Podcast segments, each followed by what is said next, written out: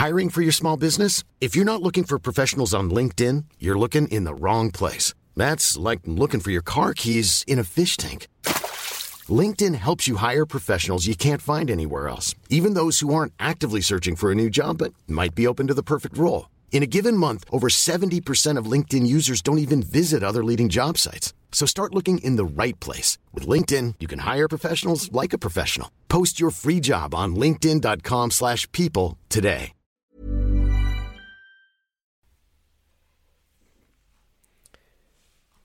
Hugg, Jason, hugg.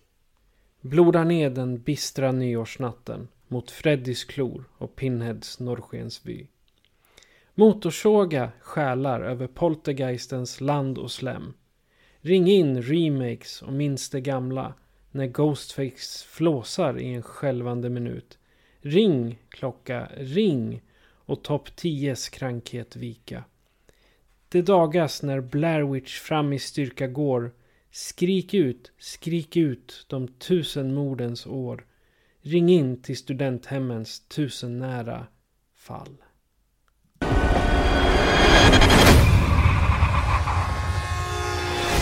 I just wanted to welcome you all to my first big party as frat president. Let's make sure we play our parts accordingly. Okay, everyone, it's time to get this party started! Oh my god. Välkommen till Skräckfilmscirkeln och ett nyårsavsnitt så här drygt 12 timmar innan klockan slår 12 och vi lämnar remake-året 2022 eller Year of the King kanske vi ska kalla det. Och vi drar oss in i 2023 som vi hoppas blir lika bra på filmvägen och vi hoppas att det blir lika bra i världen. Gott nytt år på dig Fredrik! Gott nytt år Patrik! Allting gott! Jo, det är bara fint. Vi sitter här och laddar inför en kommande nyårslunch som jag ska ut, utföra om ett par timmar. Hur tänker du fira idag? Ja, det, nej, men det blir med, med go, i goda vänners och familjs lag. Det, I och med jul är så mäckigt och stökigt i, liksom runt omkring i och med att jag är aktiv i kyrkan. Det är liksom så otroligt mycket som händer just kring julen. Så är nyåret i stort sett den högtidsdagen då jag blir ledig.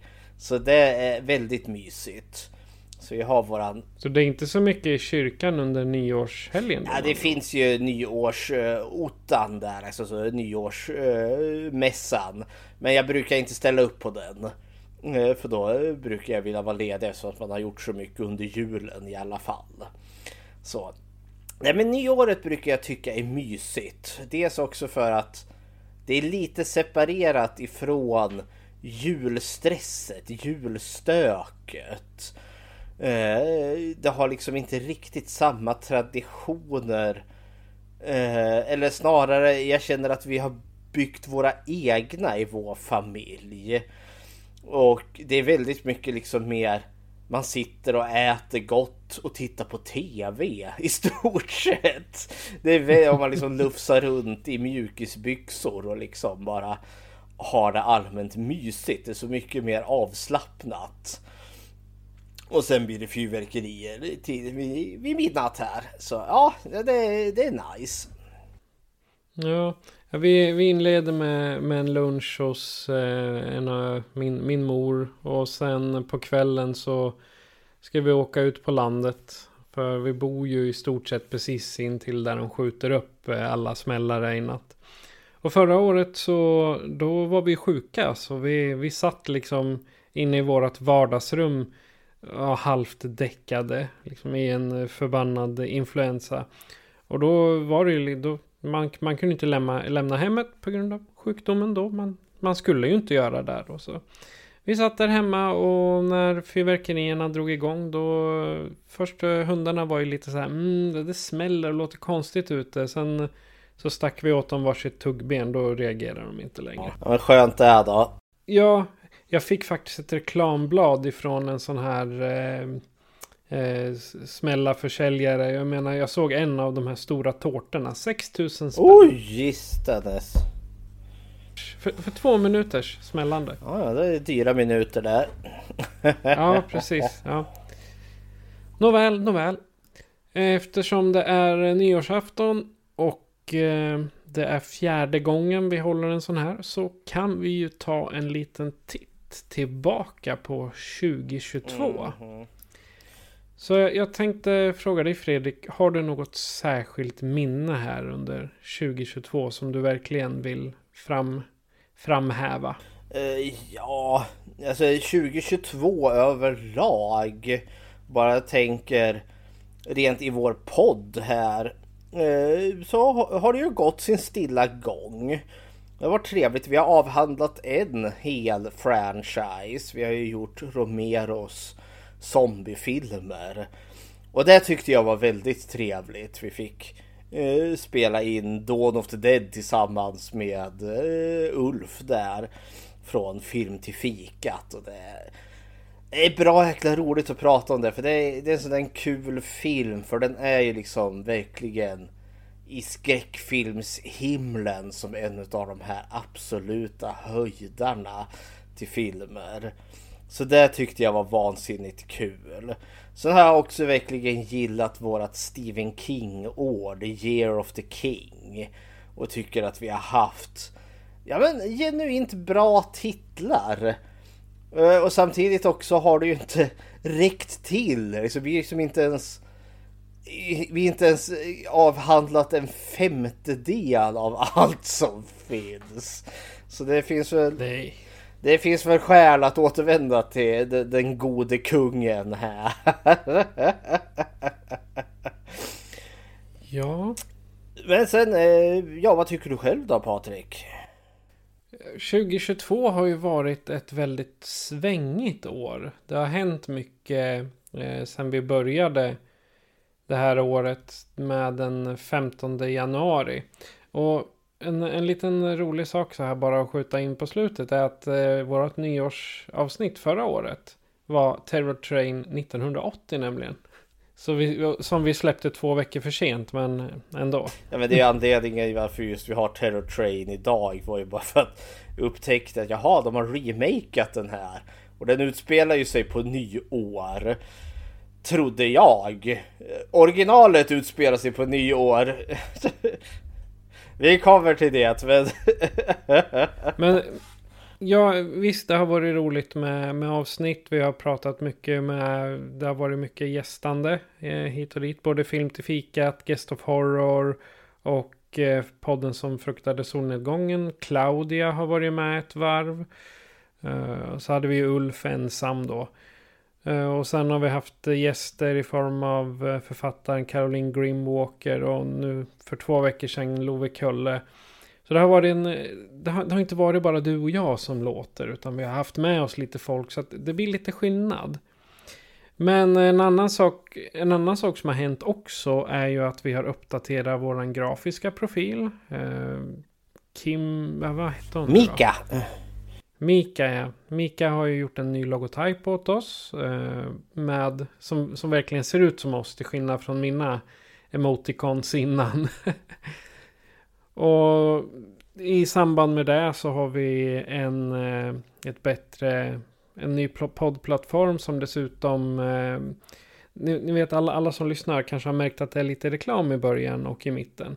Och det beror på att de helt enkelt betalar oss för att vi ska vara på den eh, plattformen. Så de är jättesnälla. Då, eh, till skillnad från att vi brukar eh, tidigare ha fått betala för att vara på en plattform. Eh, ska förtydliga, Mika Hyvönen heter hon. Nu kanske Ja. jag slaktade hennes namn här. Men hon, gjorde ju en fantastisk eh, ny logga till oss där. Eh, Och vi kan ju redan spoila att vi har, vi har en ny på gång. Eh, av Ja. samma fantastiska illustratör här. Ja. Och jag kan också spoila att det kommer mera merchandise som kommer finnas också lite längre fram när allt är klart. Och redan nu så kan ni gå in i, i eh, informationen om den här, det här avsnittet. Där har ni en adress till. Eller det finns på vår hemsida också en lista dit. Men vi, har, vi har haft, eh, det har hänt väldigt mycket där vi har bytt eh, poddplattform. Vi gick från Podbean till eh, Acast bland annat. Ja. Och det var ju en viss liksom, övergångsfas där. som var... Ja, vi försvann helt överallt ifrån ett tag. Men jag är nöjd för eh, det är betydligt bättre kvalitet på uppdateringarna. Med Acast så går det direkt upp. Ja, det gjorde ju inte det till en början. Det var ju det som var det knöliga. Liksom... Ja, men det är ju... Alltså det handlar ju... Det är precis som när man flyttar. Eh, och all post kommer inte till den nya adressen på en gång. Det är så det funkar. Man måste ge det en, en eller två veckor innan det ver verkligen är där. Ja men som sagt eh, Mycket gäster har vi haft här och det här 2022 var ju året eh, då vi stiftade bekantskap med podden som fruktade solnedgången. Och det har ju... Eh, Hoff och Niklas. Jajamensan. Eh, och det har ju varit jättetrevligt. Eh, jag fick ju, de ploppade ju upp i, i, ett, i ett messenger till mig när jag satt på jobbet där. Och då när jag fortfarande jobbade med covid-vaccineringen. Just då satt jag och paketerade sådana här självtestkit. Det var i februari där tror jag det var. Då det plingade till i min telefon där. Och liksom, eh, ja men kul, eh, liksom frågade om man liksom tankar och idéer och de eh, börjar liksom precis eh, börjar eh, och man liksom man fick känna sig lite som en Obi-Wan Kenobi där till sin Luke Skywalker.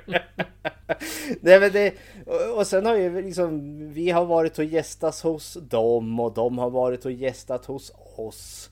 Eh, vi körde ju ett utav våra Stephen King, eller ja, vårat och vårat, men eh, ett utav Stephen King avsnitten i vårat Year of the King ligger ju på deras när vi pratade om Lida exempelvis. Ja, just det. Ja, och så har vi ju, vi har ju gjort eh, vi gjorde en av som heter podden som fruktade solnedgången. Var ju vi där och gästade med filmen Staden som fruktade solnedgången. Och den har ju en Or originalet kanske vi ska säga. den har ju en remake till sig och vi har ju originalet hos, eh, hos dem. Eh, så då kommer ju remaken hos oss tänker jag. Så, de får komma till oss här så ska vi eh, nörda eh, trombonmord i småstäder. Nej men vi hade ju också 100-årsjubileumet. Eller 100 års, nu ska vi få höra.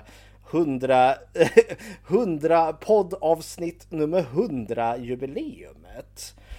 Det Ja. tycker jag har varit en riktig så highlight för mig. Eftersom att eh, vi hade så många som uh, Eh, ja, men, gav lite små hälsningar till oss. Och det har varit jätteroligt. då, var- då blir man alldeles glad ända in i hjärtat här. När man liksom tycker att ja, här sitter vi två idioter och pratar strunt. Men så liksom, nej men eh, får man liksom, nej, folk har ändå så lyssnat. Det har liksom uppskattats. Man har tyckt att det här har varit roligt och då får man ju bara en enorm liksom boost eh, Eh, till att eh, ja, det här är ju fantastiskt. Nu vill jag fortsätta med det här i hundra år till. Ja, men det, det är alltid kul att få, att få, re, få respons. Oavsett om det är positiv eller negativ. Ja, vi, vi har fått både positiv och negativ och konstruktiv framförallt. Jag har lärt mig mycket under de här eh, veckorna, åren som har varit. Särskilt i år, för då har vi fått mera konstruktiv kritik än vad vi har fått innan.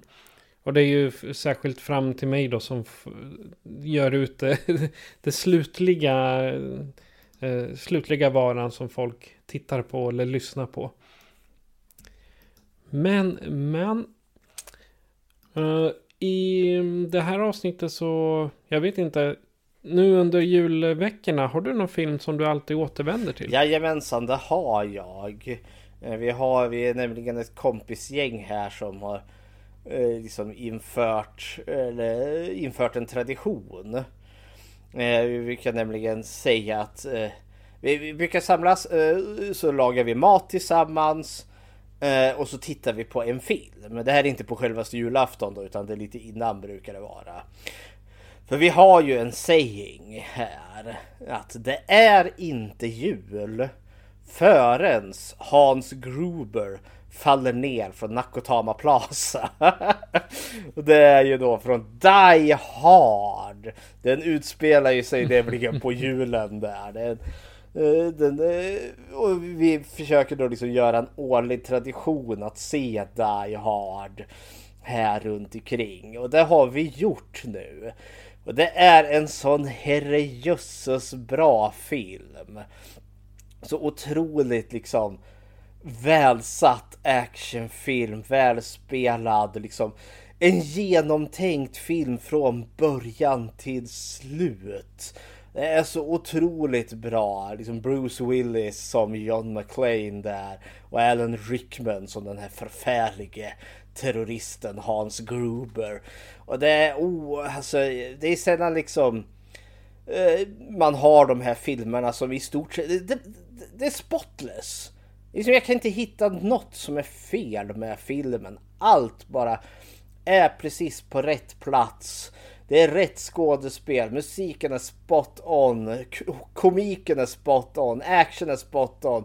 När det är allvarligt är det också spot on. Det är liksom mm, mums. Det är liksom en film som verkligen lyckas med precis allt. Så ja, det är liksom julårsfilmen. ja, det har ju fa faktiskt vi också. Vi har en sån här eh, årlig grötkväll, vet jag. Jag och mina vänner som jag haft som längst, eh, typ halva livet har vi känt varandra. Uh, och ett, en gång om året har vi grötkväll. Man åker dit, äter uh, risgrynsgröt och sen tittar vi på Shrek the Halls. Ja. det vill säga den uh, jul, speciella julutgåvan utav Shrek. Där han, när han lär sig hur man firar jul. För träsktroll firar ju inte jul vanligtvis. Och självklart engelska varianter med Michael McIntyre som Shrek och Eddie Murphy som åsnan. Eh, och... Han heter väl Michael Myers? Ja, Mike Myers. Austin Powers. Mike Myers, ja. ja. Mike Myers, inte Michael McIntyre. Det var helt åt helsike fel. Men Mike Myers såklart. Jag, alltså jag blandar alltid ihop dem när man pratar om, om Shrek. Och så Eddie Murphy som åsnan. Och vi har de blinda mössen och Ja, we have a lot of schnitzel. De tre små grisarna. Ja, den, den ser vi varje år. Och i år så fick vi också ett litet tillskott i form utav julspecialen ifrån Guardian of the Galaxy. Oh. När de ska kidnappa Kevin Bacon. Stackarn.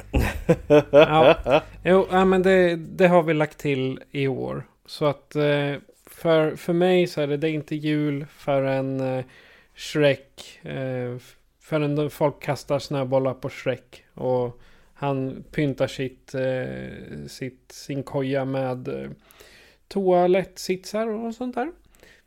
Men eh, det var väl lite om vårat eh, nyår och julen och sådär. Ja, och jag tänker bara skräckfilmsåret 2022. Om man bara tittar på de filmer som har kommit ut i år. Alltså herre min ge vad 2022 har varit ett bra skräckfilmsår.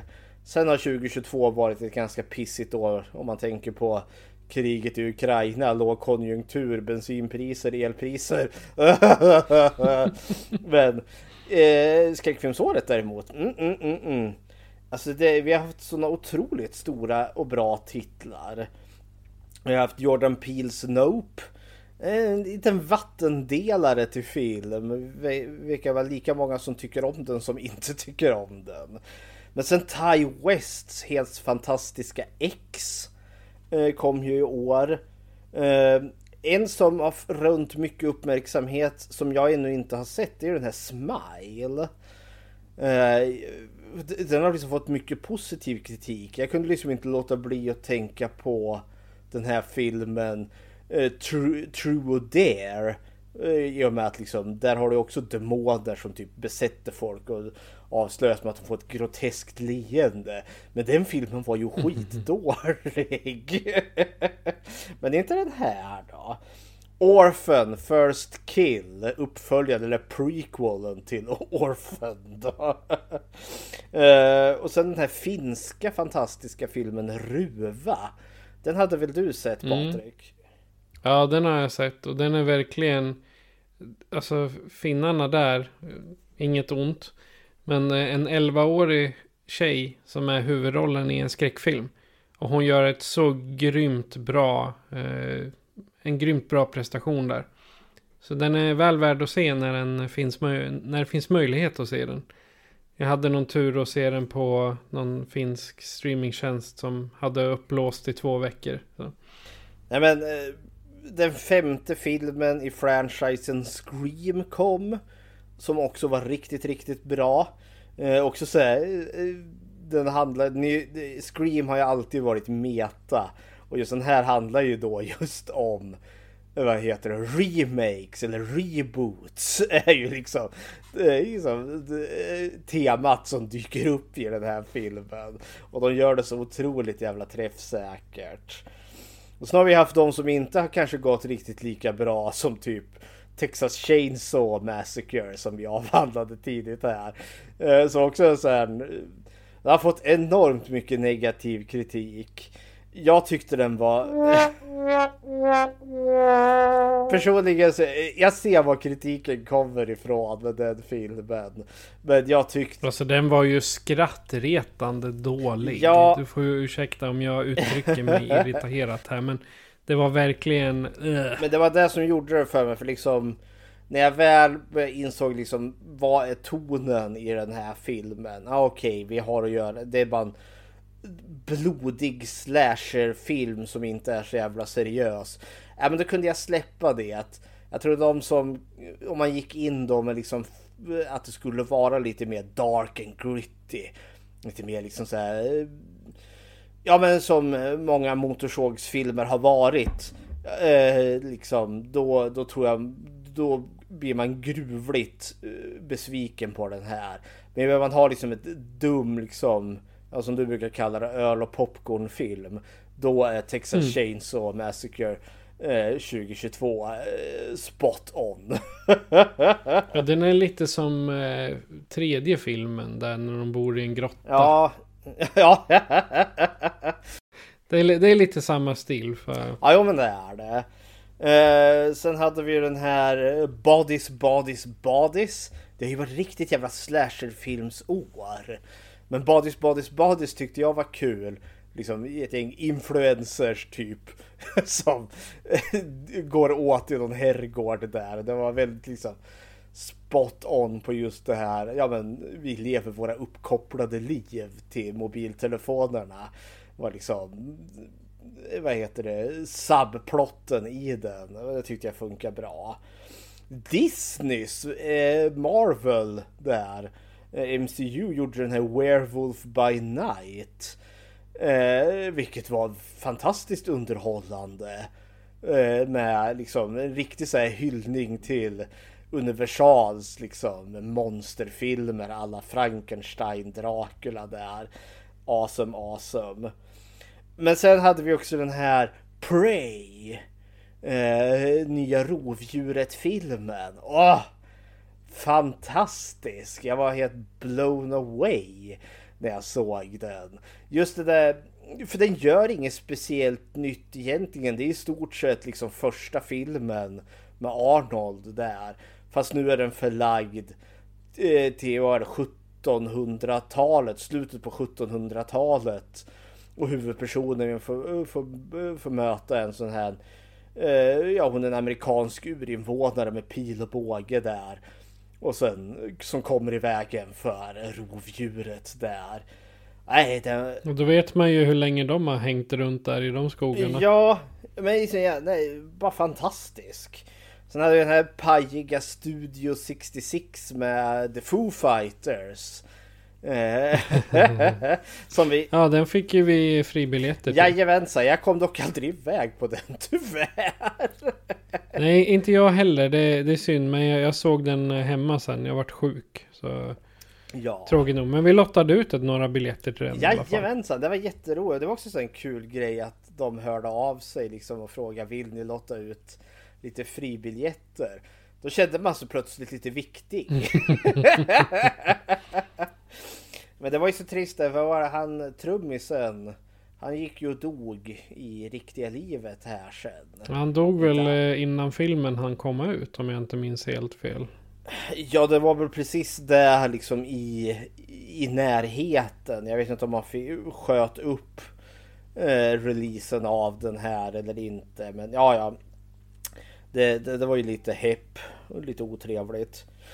Och sen den som jag då anser är eh, min personligen den bästa skräckfilmen som kom 2022. Det är ju då filmatiseringen utav Joe Hills eh, kortnovell. Eh, och Joe Hill det är ju Stephen Kings son. Det är ju då The Black Phone med Ethan Hawke. Oj, oj, oj vad den imponerade på mig. Och också så här, utspelar sig i slutet på 70-talet. Vi får följa en 15-årig kille där då. Och han blir kidnappad utav The Grabber. Då spelad av Ethan Hawke. Och satt i hans eh, källare där. Eh, Fastkedjad vid väggen. Liksom har du en smutsig madrass att ligga på och är liksom helt i händerna på den här uh, vansinnige mannen. Men sen börjar ju då liksom den här grabben liksom, ja men han, eh, han ska ju fly därifrån. För annars kommer han bli mördad där. Uh, jag tyckte den var helt otrolig. Alltså den var så spännande. Och så otroligt välspelad, precis som du sa med, med Ruva där liksom en 11-åring som håller liksom i rollen där och gör det fantastiskt. Här hade det också mycket barnskådespelare, en 15-årig kille och sen hans syster då, som också var någonstans vid 11 år. Och skådespelet var så superbt. Att jag liksom, jag var helt blown away av den. Och sen just också det barn i fara. För jag hade den här jävla The Grabber, Ethan Hawks karaktär Oh, så oberäknelig. Man liksom, jag visste aldrig vad jag hade honom. Vad fan vill han? Eh, är han glad? Är han snäll? Nej, liksom. Så otroligt jävla unnerving film. Men det var min liksom 2022s bästa film. Men ja, bästa skräckfilm för att vara eh, förtydliga. Uh, eh, ja men 2022, ett helt otroligt skräckfilmsår. Nu, nu måste jag ju säga att du har glömt en film från 2022 som eh, vi, både du och jag lämnade fem av fem på. Okej, okay. Hellraiser. Ja, precis. Ja! Det, jag tänkte hur fasen kan du glömma att nämna den? Det var liksom det... Mitt, min höjdpunkt på det här året att se den Hellraiser-filmen. Herre min ge, det var verkligen värt att casha upp eh, en månads abonnemang där på eh, Roku tror jag det är. Det var väl, väl värt att, att casha upp för att se den där enbart. Det är, fy fasen. Det, den vore kul att se på stor, stor skärm däremot. Så när den kommer ut på DVD då tror jag att vi ska dra med oss den till eh, något maraton på skräckfilmscirkeln eller något sånt där.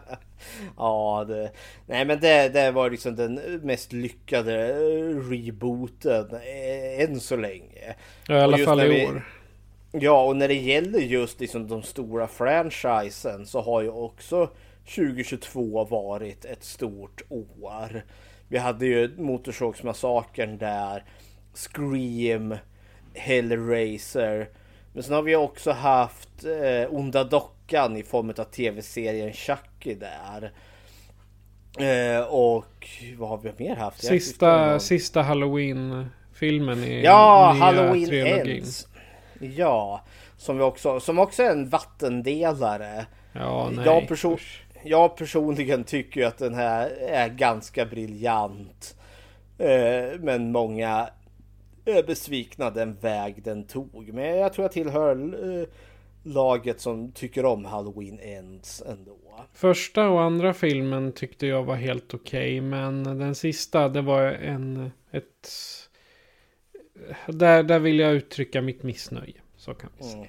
Ja. ja. men det, det, var inte en snygg inramning av den nya trilogin. Det var Nej. det inte. Nej. Men jag tycker det filmen introducerar som plot points som liksom, ja men eh, hur ondska kanske föds och hur ondska fungerar liksom eller smittar eller hur, hur man liksom nu gör. Det fanns jättemycket intressanta idéer i den här, men kanske inte som den avslutande filmen i en trilogi. Det här Nej. borde varit en standalone film. En spin-off. Ah, ja. En spin-off. Why not? Ja. Men Nåväl. det är eh, nyårsafton och eh, för ett, ja, mindre än ett år sedan så pratade vi Terror Train. Och idag så blir det Terror Train 2022. Och Jajamän. först så vill jag säga. This is a spoiler warning. Alert! Spoiler alert. This is a spoiler warning. Alert! Spoiler alert. Och här kommer en trailer. I'm Sandra, and I'm just the professional your small business was looking for. But you didn't hire me because you didn't use LinkedIn jobs. LinkedIn has professionals you can't find anywhere else, including those who aren't actively looking for a new job but might be open to the perfect role, like me. In a given month, over 70% of LinkedIn users don't visit other leading job sites. So if you're not looking on LinkedIn, you'll miss out on great candidates like Sandra. Start hiring professionals like a professional. Post your free job on linkedin.com/people today. Hey there, it's Michelle Norris. I'm host of a podcast called Your Mama's Kitchen. When I travel, I'm usually looking for a way to find a taste of home when I'm not at home. And one of the things I love to do when I am at home is entertain. And Airbnb allows me to do that. When I was in California recently, I rented a house that had a great kitchen. And when we were sitting around the table, we we're all thinking, we're in someone else's house. Someone could be in all of our homes as well. If you have a home, but you're not always at home, you have an Airbnb. Your home might be worth more than you think. Find out how much at airbnb.com/slash host.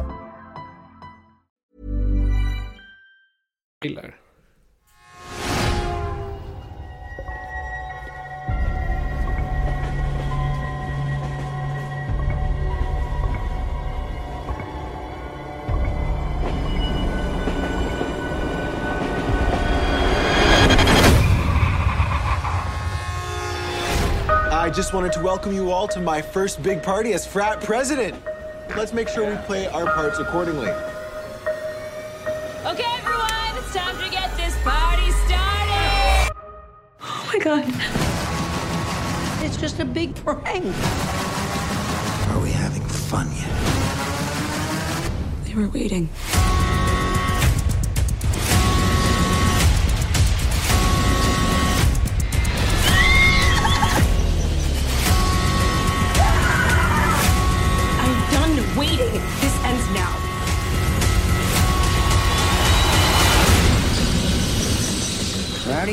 There tonight.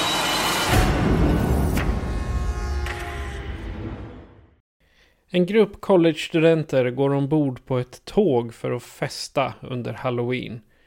Men det slutar med att de får kämpa för sitt liv när en mystisk angripare börjar angripa dem en efter en. This is a spoiler warning. Alert! Spoiler alert. This is a spoiler warning. Alert! Spoiler alert. Och spoilern är då att filmen är skit, ser den inte. Thank you! Okej, Igen. gott nytt år, hejdå! Gott nytt år! Då så Fredrik. Eh, den här, jag hade inte tagit in att den hade släppts ännu. Eh, Nej, inte jag heller ska jag villigt erkänna. Så jag, jag visste inte ens att Terror Train eh, från, vad är den, 80-81 där någonstans hade fått en remake ens en gång. Utan jag bara snubblade över den när jag satt och scrollade på Facebook. Och såg att någon länkade till "Åh, en recension utav remaken på Terror Train. Jag liksom bara, say what? Har den fått en remake? Och det hade den. Ja. Och, det, och då tyckte vi det var väl kul att göra en liten inramning här då, eftersom att nyårsspecialen vi hade förra året var ju Terror Train. Och nu är den ju här igen, ja då får vi väl göra den. Men det är ju inte nyår, de har ju flyttat dagen från nyår som det utspelar sig på första filmen, eller i originalet, till Halloween. Uh, Hepp. Jag vet inte riktigt om de 40 spännen jag la ut på att hyra den här var värt det. Men Nej. eh, ja. Nej, det var det inte. Nej, definitivt inte. Men om... När, när du fick höra, höra om den här då. Eh, vad var dina förväntningar? Vi kan ju börja där. Som det är första gången vi såg den båda två. Alltså, eh, då måste jag gå bakåt lite i tiden och just det min, för, mitt förhållande till originalfilmen där. Eh, Alltså den är ju, det var bland de första filmer som jag, när jag väl började samla på mina, jag har ju en stor filmsamling här hemma. Med bestående av DVD och Blu-rays. Men det börjar ju inte med det utan det börjar ju de glada VHS-kassetternas dagar. Och Terror Train var bland de första som jag köpte ändå liksom när jag var liksom 15-16 där. Och det kom ju lite, det var ju filmen Scream där som satte igång alltihopa och satte igång liksom slasherfilmsintresset där. Uh, och jag satt ju och nördade slasherfilm som stod härliga till och hittade den här fantastiska sidan The Hysteria Lives. De som recenserar just slasherfilmer uteslutande. Och där har han ju, eller har de gjort mängder med listor liksom där de recenserar dem titel för titel. Och där fanns ju Terror Train med så jag, och sen jag hade läst om den och sådana saker och sen gick jag förbi i någon sån CD-butik som också sålde då lite filmer. Och där stod den, Terror Train. Och jag kände ju igen titeln för jag hade läst den där på Hysteria. Så då köpte jag den. Eh, och jag tyckte väl att det, det, det, den var bra. Jamie Lee Curtis är ju med. Jag menar Halloween. Eh, Laurie Strode fast nu är på ett tåg. Nej men och, och, så, så, den här, jag har väldigt starkt nostalgiska känslor till Terror Train, originalet då. För jag, jag, den såg jag flera gånger där. Och det, det, den är mörk, den är ganska atmosfärisk. Och visst ska man riktigt så här handen på hjärtat, alltså det är ju ingen, den är ju ingen herrejösses bra film som säger Halloween. Eh, den, den, har onekligen sina, sina små problem. Och eh, den har framförallt problem på hbtq-fronten då liksom mördaren är en, eh, en man i kvinnokläder, Kenny där. Så liksom den, mm, där har den inte åldrats särskilt väl. Eh, men jag, jag, jag återvänder alltid till Terror Train med, med stor nostalgi och med stor glädje. För liksom det, liksom det, jag blir tillbaka i pojkrummet när jag liksom ser Terror Train. Så när jag får då reda på att den här har remakats. Första liksom mag magkänslan blir så här, jaha, vill jag ha, ja, vill jag ha en remake på det här? För första liksom känslan var liksom inte ja yes äntligen en remake. Utan blir den här skeptiska okej. Okay. Okej okay, ja men det, det, kan bli bra ändå. Kanske om man gör någonting nytt av det här. Sen såg jag postern till Terror Train. Och jag kände åh gode gud nej. nej, nej, nej, nej, nej, nej. Och alltså, för jag tyckte bara omslaget. Ja, det bara skrek. Liksom. Gjord till direkt till hyrvideobutik. Det, så, det ser så jäkla tacky ut. Uh, och billigt. Så jag, jag fick liksom bara ont i magen. Nu tycker jag, ja. Nu tycker jag filmen inte är bra. Men när jag väl såg den så var produktionsvärdet betydligt högre än vad jag trodde det skulle vara. Men omslaget ger bilden av en riktigt jävla fattig direkt till videofilm. Så mina känslor var pisslåga när jag gick in i det här. Dels för liksom att ja, omslaget såg skit ut. Jag har jättevarma nostalgiska känslor till originalet. Vart lite positivt överraskad ändå. Men slut, eh, ja men allt som allt, nej. Man kan skippa den här filmen. så vad var dina när du liksom fick reda på, när fick du reda på att det fanns en remake ens en gång? Det är ditt fel. ja. det, var du, det var du som nämnde, jag tror att vi, vi diskuterade vad vi skulle göra för julavsnitt och för nyår mm, i samband med typ sista vanliga avsnitt inom stationstecken och då, då var det vi, vi kom in och pratade på Terror Train från förra året och då tänkte jag, ja men vad fasen. Sen kom det upp att det fanns en remake. Ja, ja men då var det eh, slänga upp kortet och betala 40 kronor. Sen har jag sett i efterhand där att man kunde se den gratis om man var in på Plex. Så ja, där, där, där fanns den gratis. Skitsamma, den var inte värd ett piss utav pengarna jag la ut. Till skillnad från exempelvis eh, eh Pinhead eh, eller Hellraiser. Där var jag mer än glad på att bara casha upp. Det, tack och lov. Men här, jag vill ha, jag vill ha tillbaka pengarna för fan. Nej, här, den här var verkligen en eh, total eh, failure. Det, tyvärr så är det väldigt tråkigt. Och de, de förstör verkligen tanken med den första filmen. Och det är egentligen en alltså en scen för scen kopia bara att de har flyttat det till, eh, till Halloween och sen tagit lite tagit in lite modernare med iPhones och Android-telefoner och eh, mera sofistikerad teknologi liksom. Ja, för det, det är det som är problemet. Den här lider av samma problem som eh, remaken till Terrorn på Elm Street som kom där 2010 att istället för att göra någonting själv så återanvänder de liksom i stort sett hela originalfilmen. Du har liksom alla scener finns med där.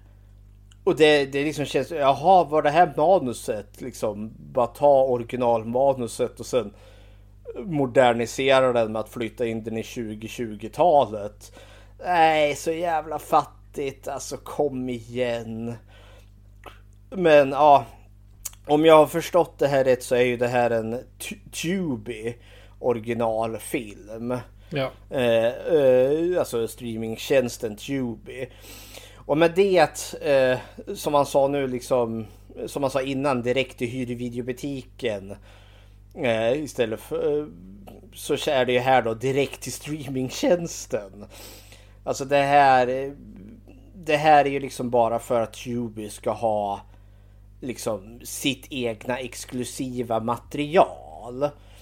Eh, och det är väl lite där det känns som att ja men ingen har efterfrågat en remake på Terror Train. Jag har inte gjort det i alla fall.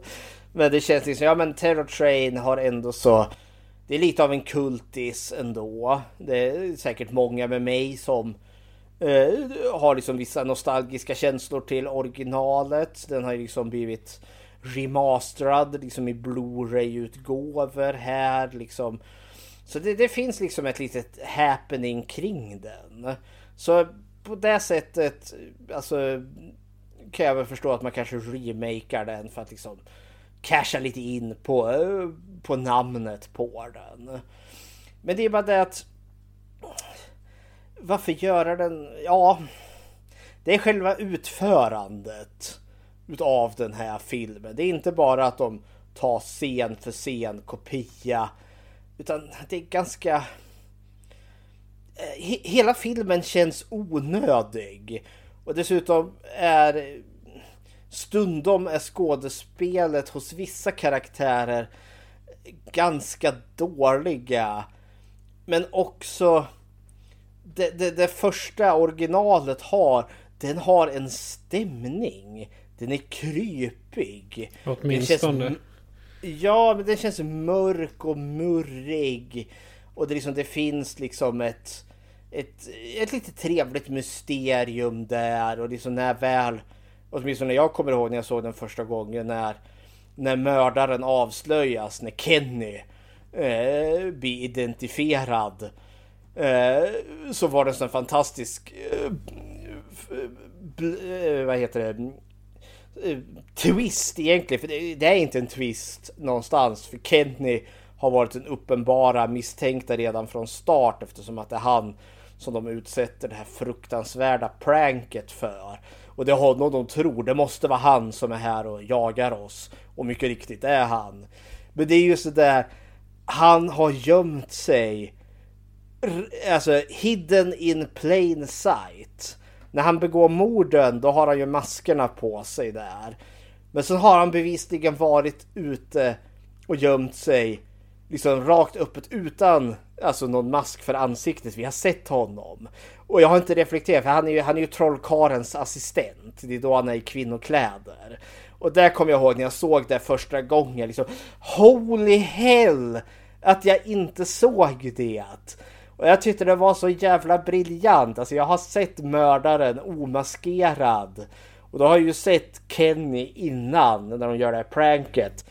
Och jag har sett hans ansikte i filmen. Det är, det är inte heller sådär som att han har stått någonstans långt bort i bakgrunden och, och blinkar och så missar jag honom. Nej, han har haft scener, han har haft dialog och jag har inte kopplat att det var han.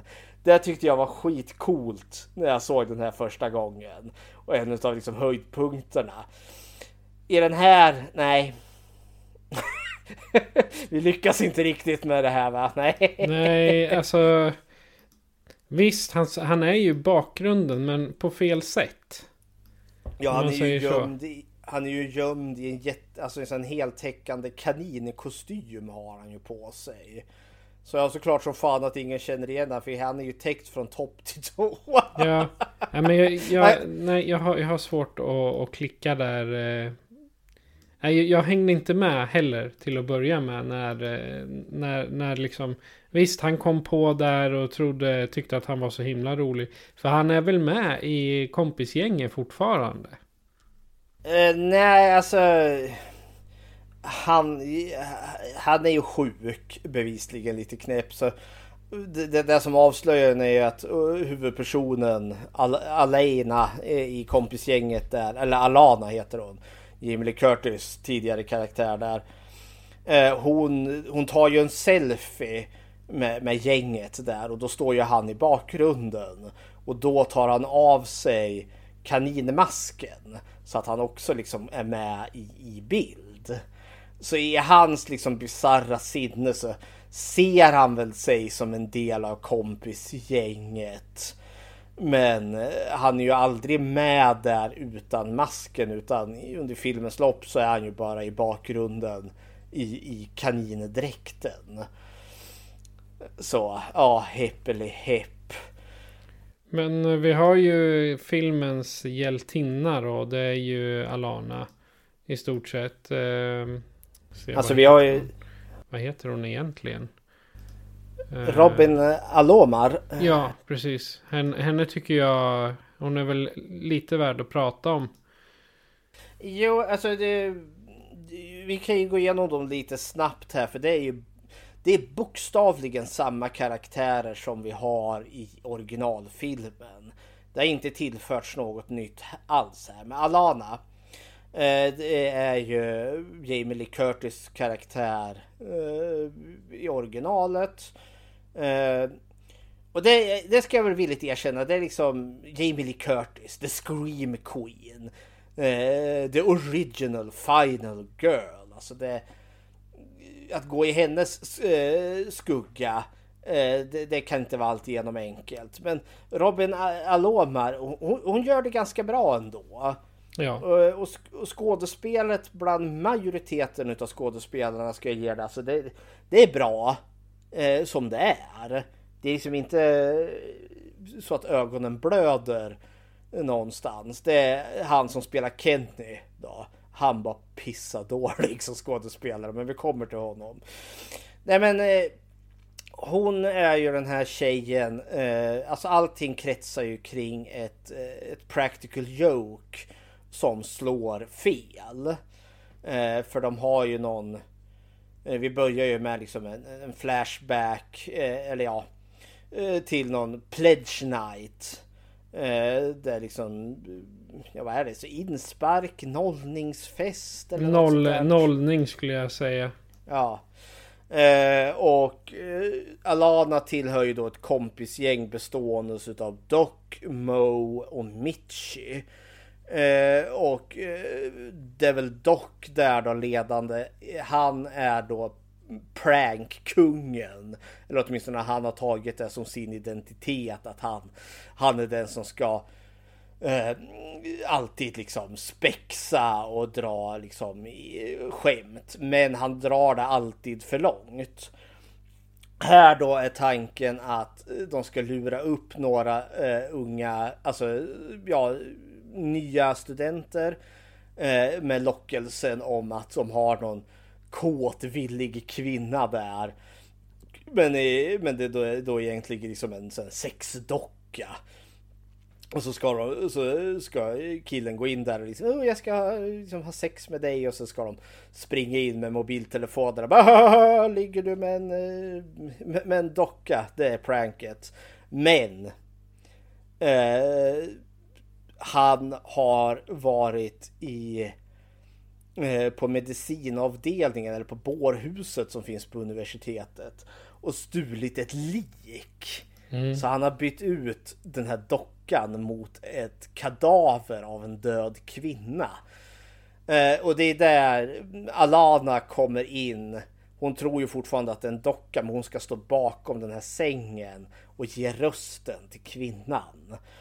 Eh, och eh, det tyckte jag väl man kanske förtydligade bättre i den här filmen att Alana är liksom, hon är verkligen inte införstådd i, i, i, i det här skämtets alla detaljer. Hon tror att det är en docka och hon är lite motvillig men hon går med på den då för de tjatar så jävligt på henne.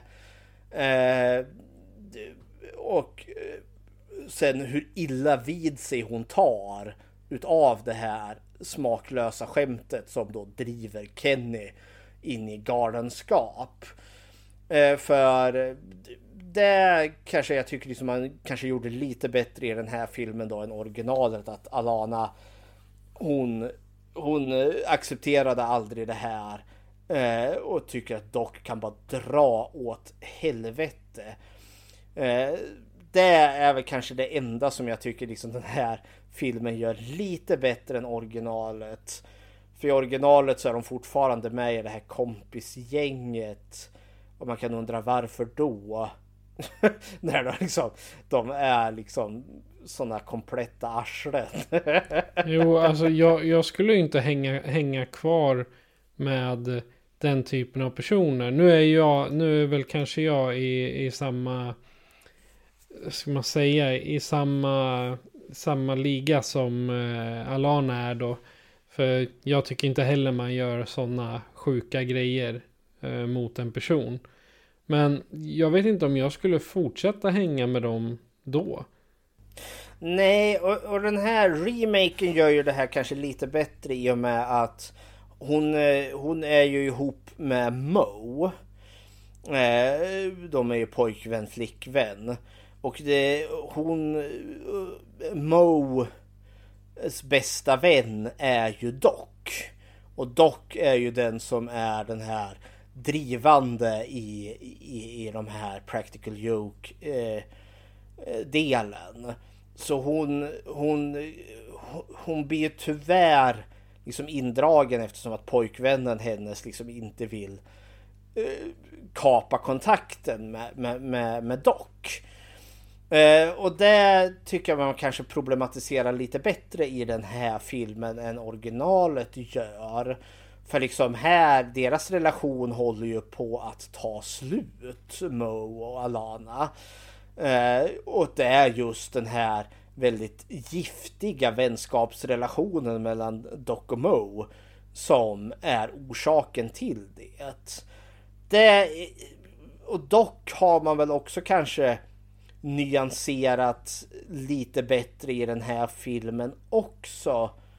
Eh, I och med att han är så... Han är inte uppskattad av något eller någon. Alla tycker att han är ett jävla klapparsel. Eh, och medan i originalet så är han fortfarande liksom partykungen. här är han ju faktiskt detronad. Han var partykungen. Men efter de här vidriga pranksen som han har gjort så är han en jävla paria. Eh, och eh, inte uppskattad alls. Utav något eller någon vilket gör honom eh, ilsken och tvär. Men är inte det lite också en nutids, eh, alltså någonting som passar för nutiden? För då på 80-talet då var det mera, alltså ursäkta, eller 70-80-talet, ursäkta ni som var unga då.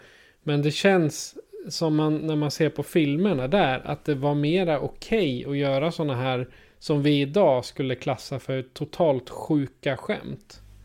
Ja, ja men det, jag håller lite med där liksom att den här eller nu vet jag inte det bara var filmer som kanske gjorde så men åtminstone originalet ger dock mer utav en ursäkt till varför han får hålla på som han håller på. För det, han är ju bara en rolig kille ändå.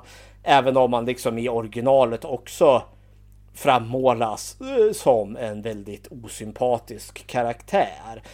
Men här gillar jag ju, men just hans omgivning i, i originalet uppskattar ändå så honom för han är partykillen. Medan här i remaken så är han liksom sedd utav inte bara de närmaste i hans bekantskapskrets men utan utav det resten utav ungdomsgänget som att ja men en jävla problemmakare. Jo men fan du är ju sjuk i huvudet. Hur, hur kan du göra sådär mot en annan människa? Ja, och liksom nej men också att man är så trött på den här människan för han är liksom han är en prank bro och liksom edge lord. Han liksom han gör saker för att få reaktioner men han gör alltid saker på, på andra människors bekostnad. Han, hans, hans skämt går alltid ut på att skrämma någon eller att uh, förnedra någon eller att göra någon illa. Uh, det är alltid liksom peka skratta uh, åt någon. är hans form av humor. Och alla är så rörande överens om att Nej, vi är så jävla trött på dig. Ditt jävla, din jävla apa. Men han är ju lite, han är ju fortfarande kvar på high school i, eh, i deras eh, sinne. Liksom där, ja just det, det är ju en fraternity, alltså studenthus. Och han är, lever väl kvar från eh, första åren när man kunde festa och supa och nu så är han ju snart färdig läkare. Och de, de säger att du måste växa upp. Ja, och det gör jag inte. Jag tänker, det, det, tror jag var mer i originalet. Då finns det ju en del också i att uh, man gör man får lite mer av hans bakgrund där. Han är rikemans son. Alltså han kommer ifrån välstånd. Och att Mo, hans bästa vän där, inte har det här välståndet och kanske har hängt lite på, på dock för att det har funnits liksom, det har, det har varit ekonomiskt fördelaktigt att vara nära honom. Eh, när man inte har pengar själv. Exakt. Dock bjuder på allt. Han gör ju det. Eh, och, och jag tänker det kanske är det enda sättet varför Doc ens har vänner. Det är för att han kan inte få dem utav sig själv. Fan, en sån jävla osympatisk människa. Men han kan köpa sig vänskap om inte annat. Eh, men eh, ja. Eh, så det finns lite nyanser här just. Eh, och en del är ju också att Doc var väl, eh, vad heter det, presidenten för den här fraternityn. Alltså ledaren för den på den här eh, campuset. Eh, men vart ju av med den efter den här eh, practical joket de gjorde mot Kenny. Så det är ju det också. Han, han är ju. Han är ju i vad heter det? Eh, in disgrace. Han har blivit skammad. Han har fallit. Fall from grace. det här var faktiskt bara hans åttonde framträdande. Någonsin. Han som spelar Mattias Gar Garrido eller vad han nu heter. Ja, det är hans åttonde framträdande. Mm -hmm. Återigen, om vi bara, som jag ändå så inne på dock där. Alltså återigen, skådespelet är helt okej okay ändå. Ja, ja han, är, han är bra på att spela arsle. Ja, ja, ja det är han. Och det finns nyanser för det, det här, ja, nu, nu, nu kommer fingret upp här och viftar. Det kan ju inte ni se, men Patrik ser mig viftandes med mitt finger här. Eh, förhållandet eh, eh, Doc och Mo i originalet. För det kommer jag ihåg, det har jag alltid funderat på. Det pratade jag om i, i förra årets eh, nyårs, eh, när vi pratade om den här. Eh, just när det gäller hbtq-frågan.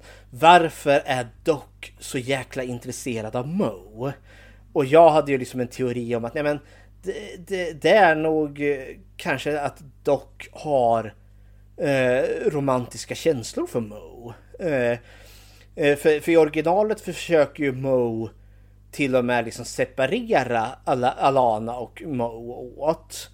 Eh, och han säger ju till Mo liksom, du, du har ju alltid mig. Liksom i, i alla tider, jag kommer alltid vara vid din sida. Liksom att ja, det, det finns någonting där liksom som går att tolka som att ja men Doc kanske är liksom Han är lite eh, betuttad i Mo. Han är det, men så är han liksom djupt inne i garderoben där kanske inte kan törs komma ut och han har det här utåtagerande liksom prankster-beteendet som sitt sätt att handskas med det. Det var bara något som jag liksom analyserade liksom, i, eller tolkade med den filmen. För filmen, originalet liksom berörde liksom inte så bokstavligt. Det gjorde remaken. De nämner det rakt upp och ner där liksom. Liksom faktiskt ställer Doc mot väggen där liksom. Vad fan är du förälskad i Mo eller liksom? Är det så du liksom vill du ha honom för dig själv för att du är lite eh, förälskad i Mo? Och jag vart alldeles såhär wow! jag tyckte bara det var kul liksom, det plötsligt liksom, tydligen så är inte jag den enda som har liksom gjort den kopplingen, utan då har även de som gjort den här remaken liksom, ah, finns det någonting där ändå? Och sen får man ju tänka på att det är andra tider nu, på 70-talet var det ju liksom, det var inte okej okay att vara gay, ha ha ha.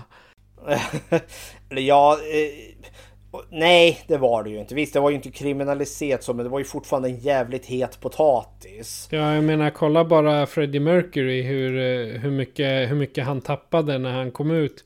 I, i och för sig, det, han kom väl inte ut förrän han visade sig att han hade HIV, men ändå.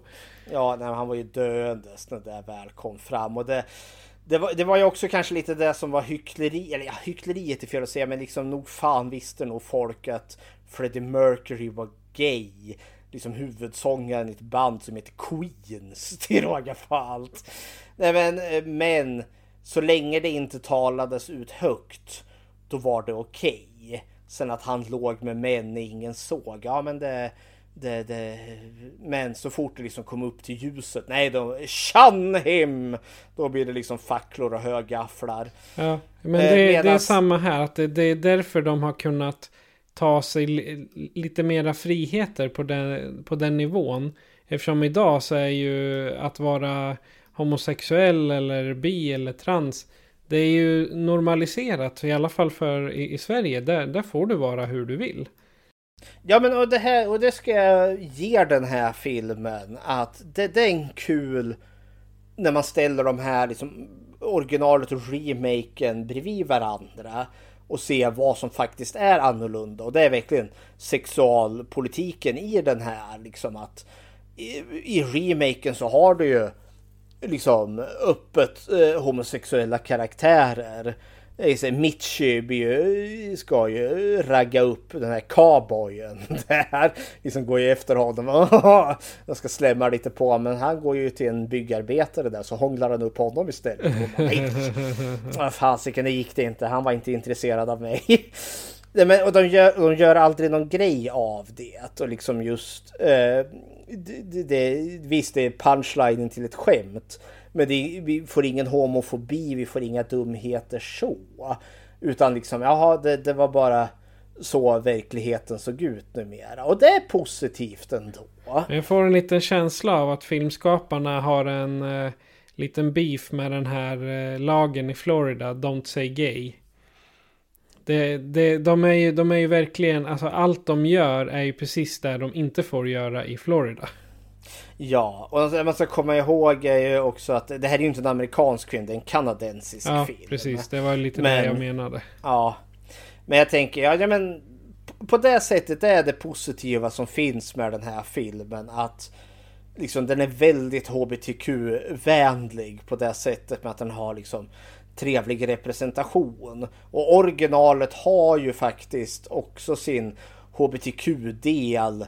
Dels med den här liksom relationen Doc och Mo som man kan diskutera. Men sen också då Kenny eh, som då eh, kör drag. Och den skådespelaren var ju en dragshowartist också dessutom. Men där är det ju kanske lite mer negativ. För det är lite den här tråpen, alltså män i kvinnokläder är ju sjuka, farliga, det är skurken. Vilket var ganska synonymt, liksom hur man kanske porträtterade hbtq-personer på den tiden. Mm. Och framförallt ska de inte läsa sagor på bibliotek. Nej, gud förbjude. Då kommer SD-politikerna där och skriker röven av sig. Jag måste skratta åt det. Och det var så, det var så påtagligt när man såg originalet i... För på YouTube finns det ju en jämförelsevideo mellan originalet och nyinspelningen. Det var så kul att se skillnaden mellan dem. Och då kommer jag alltid att tänka på att, ja just det. Du får inte läsa sagor om du är transa. ja, det, men det är också det som bevisligen om man ska tänka eh, Terror Train 2022 här så har vi ju bevisligen kommit jäkligt mycket längre i, i sexualfrågor här. Det är betydligt mer öppet, betydligt mer tillåtande. Ja, du, du får vara den du är utan att bli shamed liksom. Och samtidigt har vi också ganska starka krafter som verkar emot. Som just som ja, det här eh, sagostunden med drag queens. Eh, så liksom man ska ju liksom inte bara sätta sig med armarna liksom eh, i kors liksom och säga nej men nu är allting klart här. Nej, vi har kommit jävligt långt och det är positivt. Eh, men det finns fortfarande väldigt mycket som liksom arbetar emot också som man inte bör liksom blunda för tänker jag. Men det är väl då kanske det enda positiva eller bland de få positiva grejer som remaken har då. Att den är väldigt mycket mer positiv i sin sexualsyn. Eh, och det speglar ju kanske sin egen samtid eh, mycket bättre. Sen i övrigt är ju filmen jävligt dålig.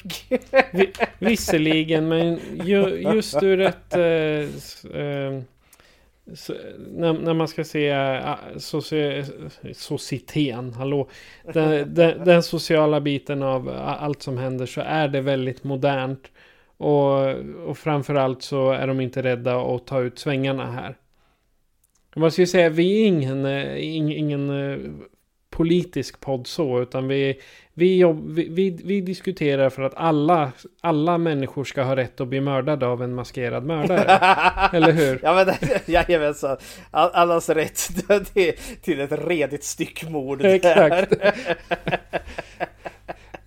Så är ja, det. det alla, alla, alla, alla ska vara med och bli knivhuggna. Jajamensan. Sen vill jag göra en liten shout till Mary Walsh som spelar den här sura Carney. Ja, eh, hon, som är, hon, har ju, hon är ju chef över tåget. Eller hon, ska hon, säga. Är kondukt, hon är ju någon konduktör av något slag. Ja. Chefkonduktör. Hade det varit i Sverige hade de kallats tågvärd. Mm. Så, ja. Men hon är ju den, alltså hon är inte med så mycket. Men när hon väl är med då är den här coola tanten. Mm. Ja men det är hon är liksom. Det, det är ju en man i, i första filmen. Eh, som då, ja, som också eh, som nästan har eh, mer huvudroll än vad Jamie Lee Curtis har i den filmen. Ja, ja, sak samma. Men vi har ju skäl att återkomma till henne eh, lite senare här. Ja, men henne gillade jag också för det var också ja, men, en äldre person där bland alla de här ungdomarna som har liksom och hon har lite karaktär just för att hon är den här lite bittra, sura. Hon har liksom varit med på hundra sådana här jävla partytåg. Hon är så jävla trött på skiten. Liksom. Tolererar inga skitsnack liksom. Det är raka rör här. Alltså, hon, hon, är ju trött på snor på rikemansungar. Som ja. någonting. Eh, ja.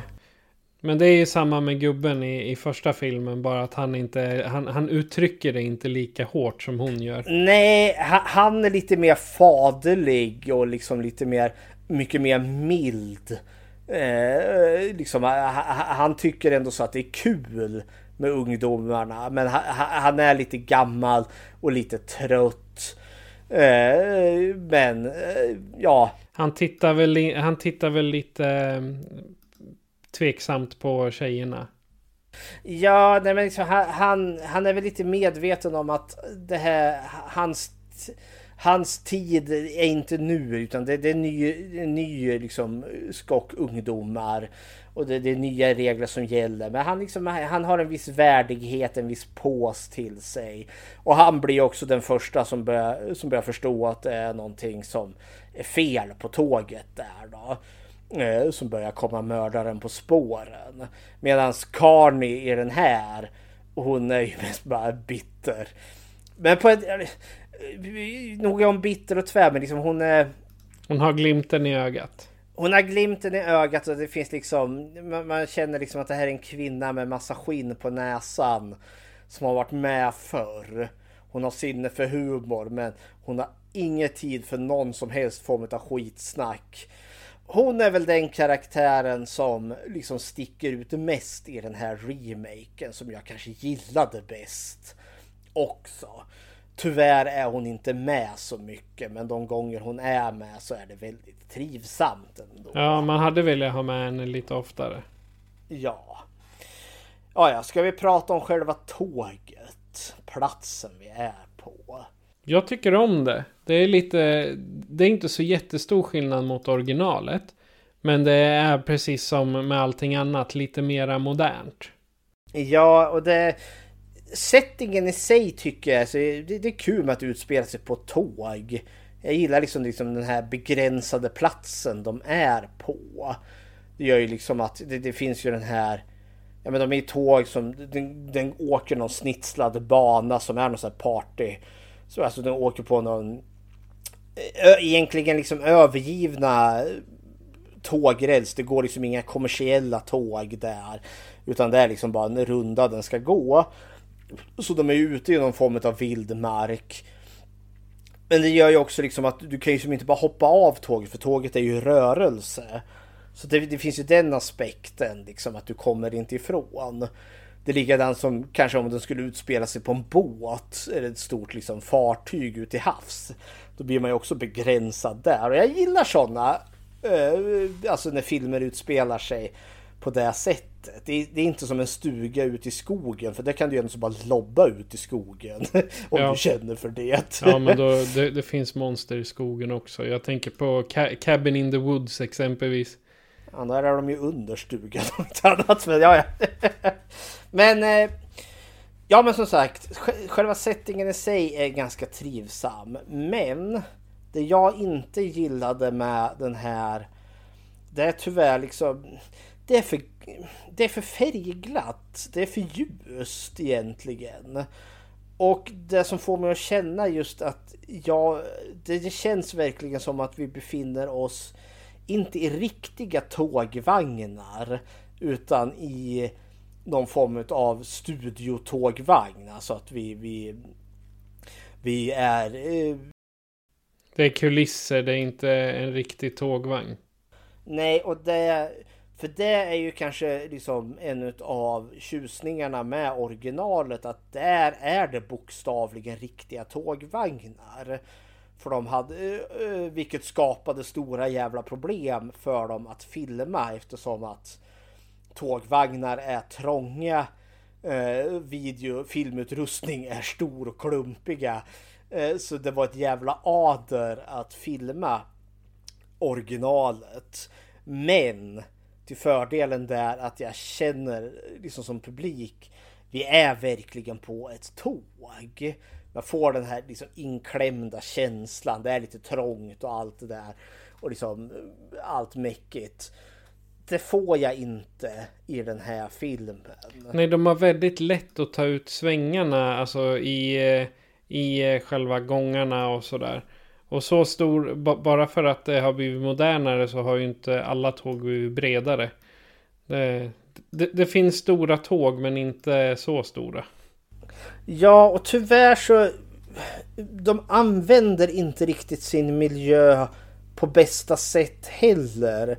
För liksom i, i en av slutstriderna när Alana versus mördaren här eh, blir fast i, i, i konduktörsrummet. Där låser hon ju in sig i en liten bur som finns där. Medan mördaren försöker hugga efter henne med, liksom en, med en lång isstör eller vad det är, något form av spjut. Ja, det är som, Som man liksom- eh, greppar tag i andra vagnar med. Ja, han hugger ju mot henne mellan gallret där. Eh, I, I originalet där så är det en ganska lång sekvens. Eh, striden där, det är liksom det är sista striden innan liksom uppgörelsen de slutligen kommer. Och där så har vi ju en grej att mördaren slår sönder taklamporna. Eh, så att det blir mörkt i, i tågvagnen. Eh, och det är väldigt effektfullt.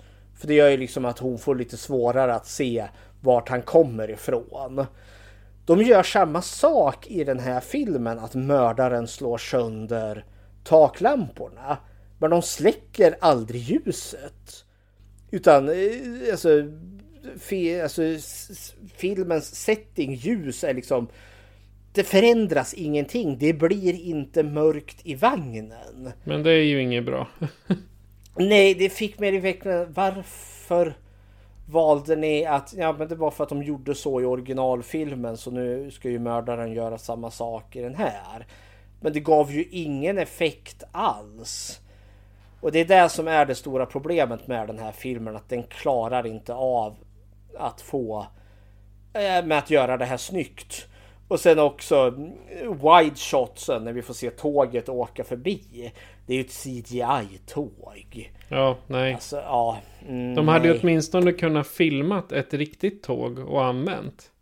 Liksom som eh, för, eh, Nej, det där det är en riktig fail när man ser att det är ett fejktåg. Ja, nej men det, nej. Tyvärr liksom. Det, det, jag- det, är, det är för uppenbart kulisser i den här filmen. Den är för den är för ljus dessutom. Den är för, liksom för, för färgglad. Originalet är åtminstone, alltså det, det är väldigt mörkt och det är också så pass att vissa scener är för mörka så att det blir svårt att se vad är det som händer. Så originalet är inte liksom utan problem på det sättet. Men känslan är mer autentisk i originalet medan remaken har en väldigt plastig, konstgjord känsla till sig. Och sen just att de inte använder alltså ljuset på rätt sätt som just den där scenen när mördaren slår sönder lamporna. Varför?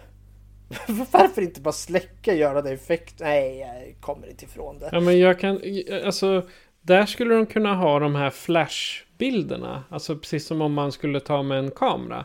Och se att de flyttar på sig sakta men säkert. Uh, jag tror det är i... Vad är det? Det är någon av paranormal-filmerna eh, där de använder en kamera, kamerablixt för att liksom se vart de är någonstans. Och vad som händer. Ja, men liksom jag, för det, det är ju en del i spänningen. Tänk att bygga stämningen med hjälp av miljön du befinner dig i. I det här liksom, liksom när mördaren börjar slå sönder lamporna då ska det ju bli mörkare. Vilket ökar spänningen för att ja men eh, jag kan inte längre se riktigt lika bra. Men när du väljer liksom att behålla den biten men så gör du aldrig någonting Alltså vi gör en poäng att mördaren slår sönder lamporna. Men det, vi förändrar inte ljuset på något vis och vänster. Det blir så otroligt meningslöst. Ja, det blir bara tomt. Det blir bara tomt och då fick man, var det här någon form av hyllning till originalet? Ja, då hade det väl kunnat bara skitit i det för det gör ju filmen bara dummare. Ja. Nej, dumt, dumt, dumt. Men man ser ju på, på vissa filmer att de slår sönder lamporna men det är ljust i scenen fortfarande för att man ska se vad de gör överhuvudtaget. Men eh, här var det ju extremt. Ja, och just som att i originalet blir det ju faktiskt mörkt i, i, i tågvagnen där. Vilket är effektfullt värre. Nej, det, som sagt. Eh, plastigt och konstgjort är vad jag tycker den här filmen känns som. Kontra originalet som då känns autentiskt. Eftersom att de var i autentiska tågvagnar. Ja, jag tänkte de kunde åtminstone ha by- använt riktiga tågvagnar om en sågat av sidan för att göra det enkelt. Mm. Men för att bygga den här eh, kulissen liksom, nej, det, det funkar inte. Nej, och det hade de nog inte budget till heller. Tänker jag. Nej, det syns ju att det är lite begränsat med pengar att använda här. Ja. Nåväl, är det dags till hotet här? Våran... Ja, det, det, det tycker jag. Det är definitivt ett hot. Ja. Eh, som sagt, vi, det här är ju en remake på en redan existerande film. Eh, och i den så är det ju det är ju killen som de prankar i början som får ett mentalt eh, break. Eller han, han blir så traumatiserad att eh, han blir vansinnig. Eh, och det är ju han som är mördaren i originalet. Eh, det är inte han som är mördaren i den här filmen faktiskt. Utan det är ju konduktören där, Carney, våran eh, bittra tågchef det här. ja. Eh, så det är ju någonting nytt i alla fall. Och det, det, tycker jag är bra, för de behöver göra någonting nytt med den. Ja, och det är väl kanske vad jag kände under hela den här jävla filmen. Vad fan, gör något. Eh, för det är ju verkligen så många gånger scen för scen kopia utav originalet. Så visst, att de byter identitet på mördaren. Okej, okay, fine. Men det är för lite och det är för sent. Men när ändå så Alana och Carney konfronteras. När hon liksom eh, går Mrs Voorhees på, på dem. För det, det är ju i stort sett liksom Mrs Voorhees där som är arg för att eh, de har behandlat hennes son Jason illa. Fast här är det då Carney som är arg för att de har behandlat hennes son Kenny illa. jo, men det, det tror jag också är eh, alltså att det är lite medvetet. Ja. Att Nej, de men... har gjort det för att det blir ju som en hyllning till fredag den 13. Ja, också. men det vart, det, det vart lite en energiboost här. För filmen har verkligen varit ja, men, paint by numbers. Det, I och med att jag har sett allt förr. Uh, och sen när liksom ändå så hon får bli mördaren där som är så arg. Ja, men det, det, det gav en boost energi. Kontra innan att vi hade konfrontationen mellan Alana och Kenny. Nej, eh, som slutar med att Kenny blir skjuten till döds. För han är misstagen då som den riktiga mördaren. Eh, den scenen var pissadålig. Eftersom att han som spelar Kenny i den här filmen inte är en bra skådespelare. Eh, det var, den kommer liksom direkt efter den här scenen eh, när eh, Alana har blivit terroriserad av mördaren där i tågkabyssen. Eh, hon lyckas liksom med nöd och näppe ta sig ut, springer ut. Och han kommer liksom bara ut ur en av tåghytterna. Ungefär som att det skulle vara den stora revilen. Eh, Hej, här är jag. Och nej, det är du. Jag ber om ursäkt. Bä, bä, bä, bä, bä, bo. Och så har de en jätte... Eh, men, har de någon dialog fram och tillbaka där. Som han är pissdålig på att leverera. Vilket slutar med att han blir skjuten till döds.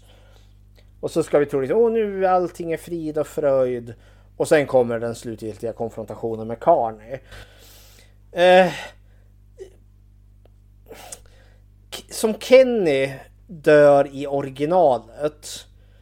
Där är det ju mer Alltså de harkar ju tillbaka där till pranket som händer i, i början. Han alla... gör ju det för att hämnas. Liksom. Ja, jo men det gör han ju helt klart. Och i originalet där är Kenny så mycket mer otäck. För att visst, han, han är ju där för att hämnas på de som utsatte honom för pranket. Men han, han, är, han mördar ju mer personer än bara dem. Han, han mördar väl de han kommer åt? Ja, det, men, han, det är de här fem personerna. Alana, Dog, Mo, Mitchi. Äh, fyra personer menar jag. Eh, som är måltavlan för hans hämnd. Eh, tre av dem mördar ju han. Alana överlever ju. Men sen tror jag liksom som i originalet är body countet jag tror det är 11 personer allt som allt. Eh, som dör då för Kennys hand. Vilket betyder liksom att det är åtta personer som inte hade med saken att göra som faller offer för Kenny i den filmen. Eh, vilket gör honom otäckare för han är mycket mer instabil. Han är svårare att greppa i den filmen. Han, man förstår liksom hans ilska för det här hemska pranket. Men vad hade alla de här andra personerna med saken att göra? Nej. Och sen också eh, i slutet där. Han, eh, han säger åt Jamie Lee Curtis karaktär Kiss me. För det var där hon stod och sa gömd bakom sängen vid pranket där. När hon skulle vara rösten till vad hon trodde var en docka. Så säger hon ju det Kiss me, kiss me. Och sen gör, säger han ju åt henne där i slutet Kiss me. Och så kysser hon ju honom på läpparna. Och då får ju han ett mentalt break och bara börjar skrika runt och liksom flejla runt som en vansinnig människa. Och det är ju då han tågkonduktören dyker upp och liksom nitar fanskapet med en spade Eh, så pass att han faller av tågvagnen som då precis åker över en bro så han faller ju ner i en, eh, var det, en eh, fryst flod till sin död där. Det är ganska spektakulärt slut och han är synnerligen obehaglig. I den här så är ju slutstriden mellan Carney och Alana det, det, är ju mer Carney som bara nitar Alana. Bara bam, bam, bam! Flera gånger med knytnäven där. Och skriker åt henne liksom Look what you did to him! Ungefär som Pamela Voorhees i Fredagen. Som slutar med att Alana slutligen får övertaget. För Carney ska slänga ut henne från tåget. Men lyckas liksom med en väl placerad spark få Carney liksom att backa ut ur den öppna dörren och faller då eh, ut på spåret. En lite klassisk slasher eh, skurks död. Ja, men det är som jag kände också, det är lite för, det saknar något. Det, det blir lite för hepp när hon väl faller ut från tåget. När Kenny faller ut från tåget i originalet har vi haft hela den här uppbyggnaden och just, och just också att han faller, han faller ner från en, från en bro. Och vi ser han slå, i, slå i, i isen. Han går bokstavligen igenom isen och så ser vi liksom hans kropp flyta bort. I den här så är det ju liksom en, en spark i, i mellangärdet på Carney och så backar hon ut ur, ur den öppna dörren och så går vi liksom direkt liksom snabb klipp över till vi får se utifrån tåget och då är allting CGI. Så den CGI person som faller ut från tåget och det är liksom det är över på sekunder. Det är lite för snabbt, det är lite för hepp. Det känns alltså skurken när skurken väl besegras. Den dödsscenen behöva vara lite mer utdragen. För det här är lite mer liksom, oh, någon gick ut på vägen och bara pang vart påkörd av en bil. Oj, så var det över. Behöver... Men vet du varför det är så snabbt och effektivt? Säg mig. De håller på med en tvåa. Ja, jag vet. Eh, Carney är ju... Eh, vi får ju en klassisk sting. Vi ser Carneys kropp ligga där på tågrälsen och sen öppnar sig ögonen. Bam, bam, bam, bam! Hon är bevisligen fortfarande vid liv. Så ja, Terror Train 2. Men man vet aldrig, ibland kan uppföljarna faktiskt göra något bättre. Ja, om inte Men ta annat- som fredag den 13 del 2 exempelvis. Ja, eller del Den är ju bättre än ettan. Ja, ja, det är tyck och smak. Jag tycker fyran är den bästa. Eh, men, eh, ja. Men Terror Train 2, om det nu blir Terror Train 2. Så kan ju den åtminstone bli bättre i och med att det kommer bli sin egna film. Alltså den kommer ju inte vara en jävla karbonkopia utav en redan existerande film. Så det talar ju till dess fördel. Vad tycker du om maskförändringen i den här filmen? För i originalet har ju Kenny en Groucho Marx mask. Sen byter han till en ödla. Och den tredje masken han har är som i någon form av någon gammal häxa. I den här så byter de ju, ödlan är kvar. Häxan är borta. Men Groucho Marx-masken har de bytt ut mot någon sån skräckfilmsclown. Och jag tänkte John Wayne Gacy. I eh, Clown. Ja, det förstås. Nej, det här kändes mer typ Pennywise. Eh, Det är som clown med, med hajtänder. Ja, eller Killer Clowns from Outer Space. Ja. De har också något liknande. Och det var väl helt okej ändå. Ja, det är, alltså, jag tror att de följer lite nutiden. För clowner har ju varit en... eh, Ja, det var ju ett tag när de, de liksom... En del clowner som var på väg till barnkalas vart misshandlade för de tyckte att ja men clowner är, är farliga, de håller på och skrämmer oss. De här clownattackerna som man trodde. Och då tror jag att man har använt den här första clownen med lite farliga tänder bara som att liksom för att modernisera den lite. Och sen just eh, att man avslutar med en eh, det är väl en kanin på slutet eller är det den som går runt under, under tiden? Det, det, det är den som går runt under tiden som Kenny Ja, är gömd Ja. i. Så det, det är ju Så är aldrig det. mördaren i den. Nej. Men nej, ja, men, det var lite så jag kände också. Det var tyvärr det, är tyvärr det som är omslaget till posten till den här. Den här liksom clownen som håller en kniv ståendes bakom Al- Alana där.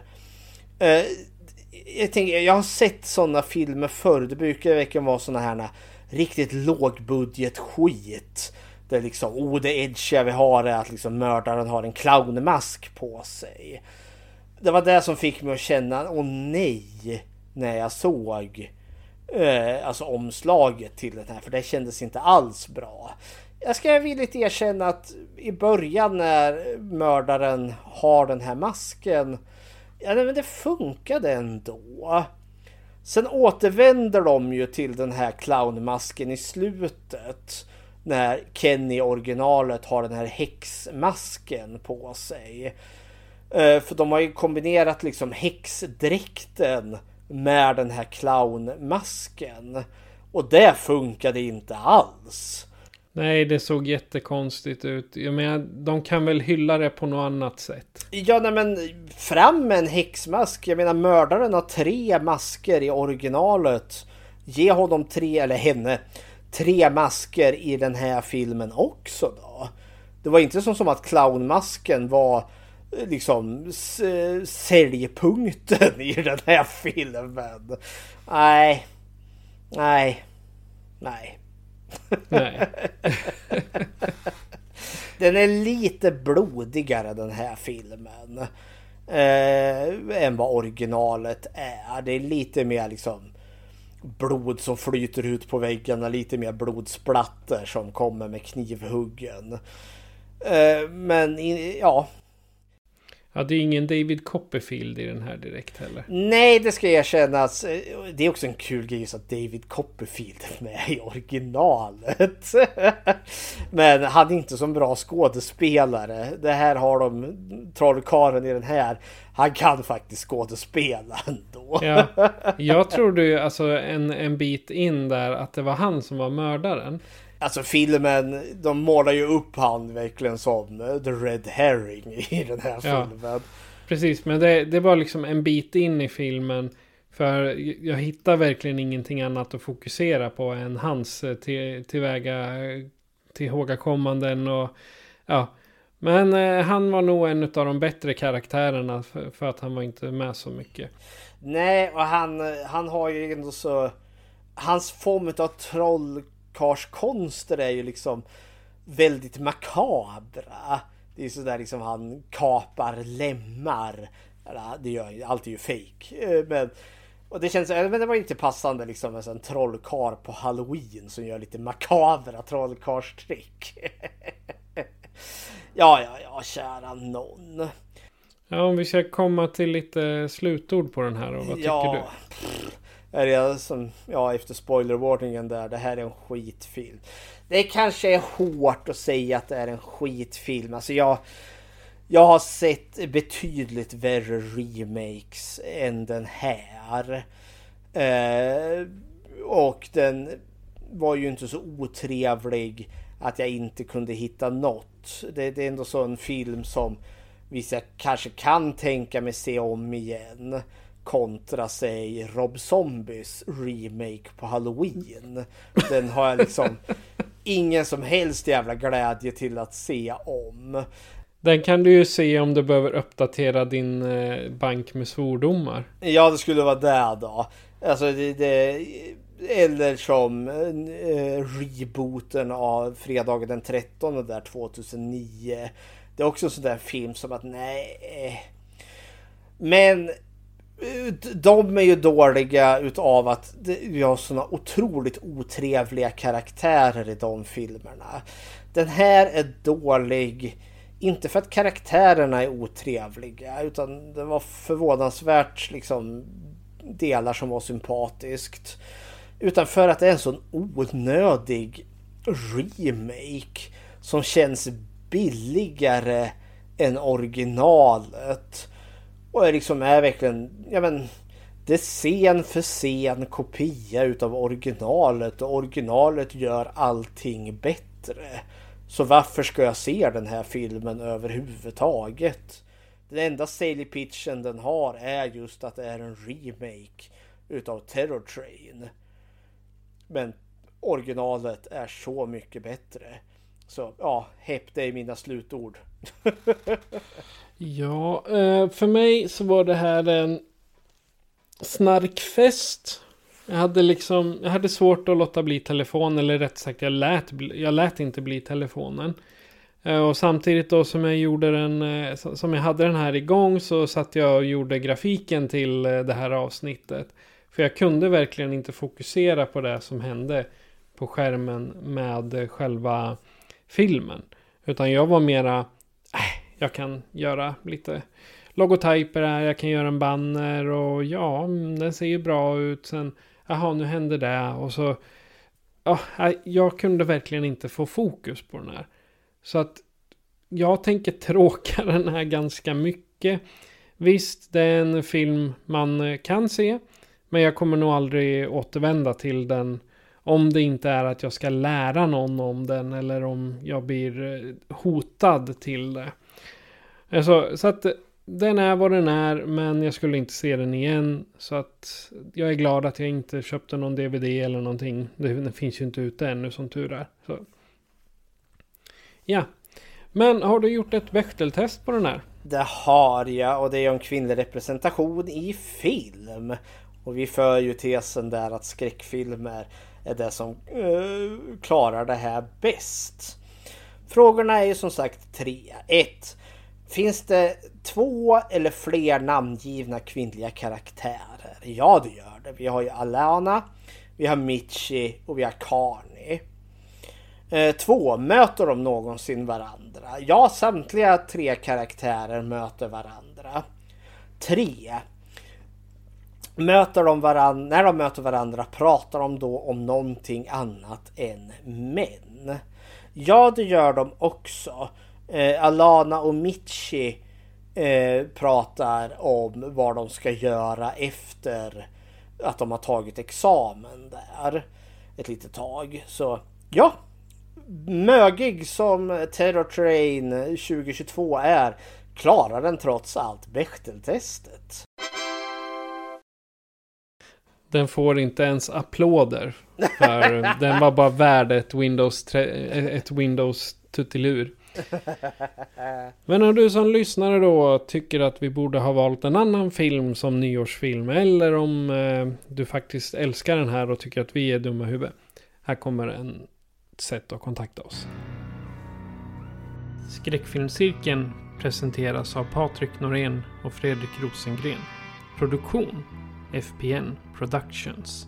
Besök skräckfilmscirkeln.com för att hitta var du kan lyssna på oss, hur du kan stödja oss och hur du kan kontakta oss. Vill du diskutera filmerna i avsnitten är du välkommen att gå med i gruppen Skräckfilmscirkeln Eftersnack på Facebook. Tack för att du lyssnar.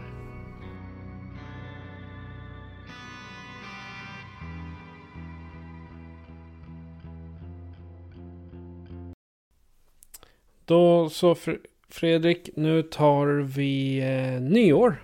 Vi gör ju det. Att innan vi lägger på här så tänker jag vi, vi eh, 2022 utlyste ju vi till the year of the king. Eh, och året dessförinnan hade vi year of Dracula. Eh, 2023 ska vi också utse ett år till. Eh, och jag tänkte vi kan ju avslöja det nu.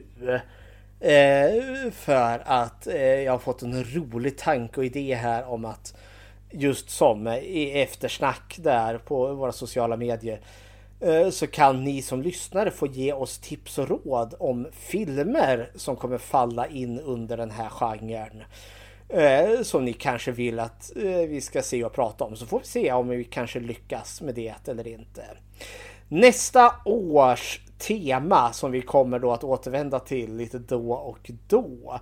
Då är vi ute i det stora blå. Kommer ut och plumsa i djupet. För vi kommer nämligen utnämna 2023 till The Year of the Shark. Så hajarna kommer att simma runt här och göra vattnet otrygga för oss under nästa år. Det hoppas jag alla lyssnare hajar. Och på hemsidan finns det bland annat ett eh, formulär ni kan fylla i. Eller så skickar ni ett meddelande i de sociala kanalerna. Ja, tips och råd. Och då kan det ju poängteras att vi har avhandlat Hajen och dess samtliga uppföljare.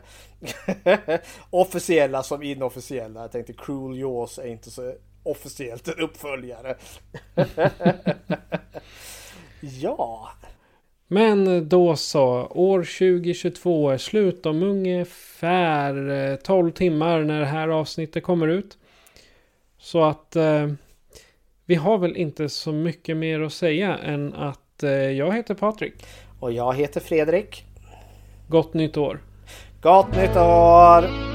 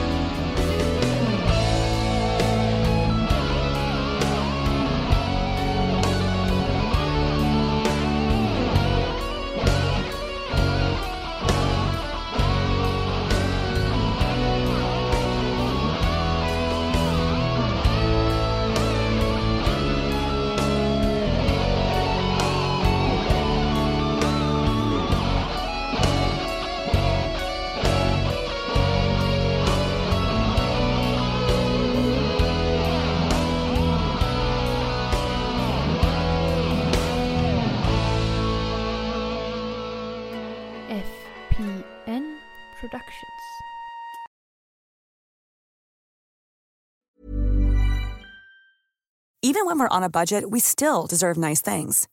Quince is a place to scoop up stunning high-end goods for 50 to 80% less than similar brands. They have buttery soft cashmere sweaters starting at $50, luxurious Italian leather bags, and so much more. Plus, Quince only works with factories that use safe, ethical, and responsible manufacturing. Get the high-end goods you'll love without the high price tag with Quince. Go to quince.com/style for free shipping and 365-day returns.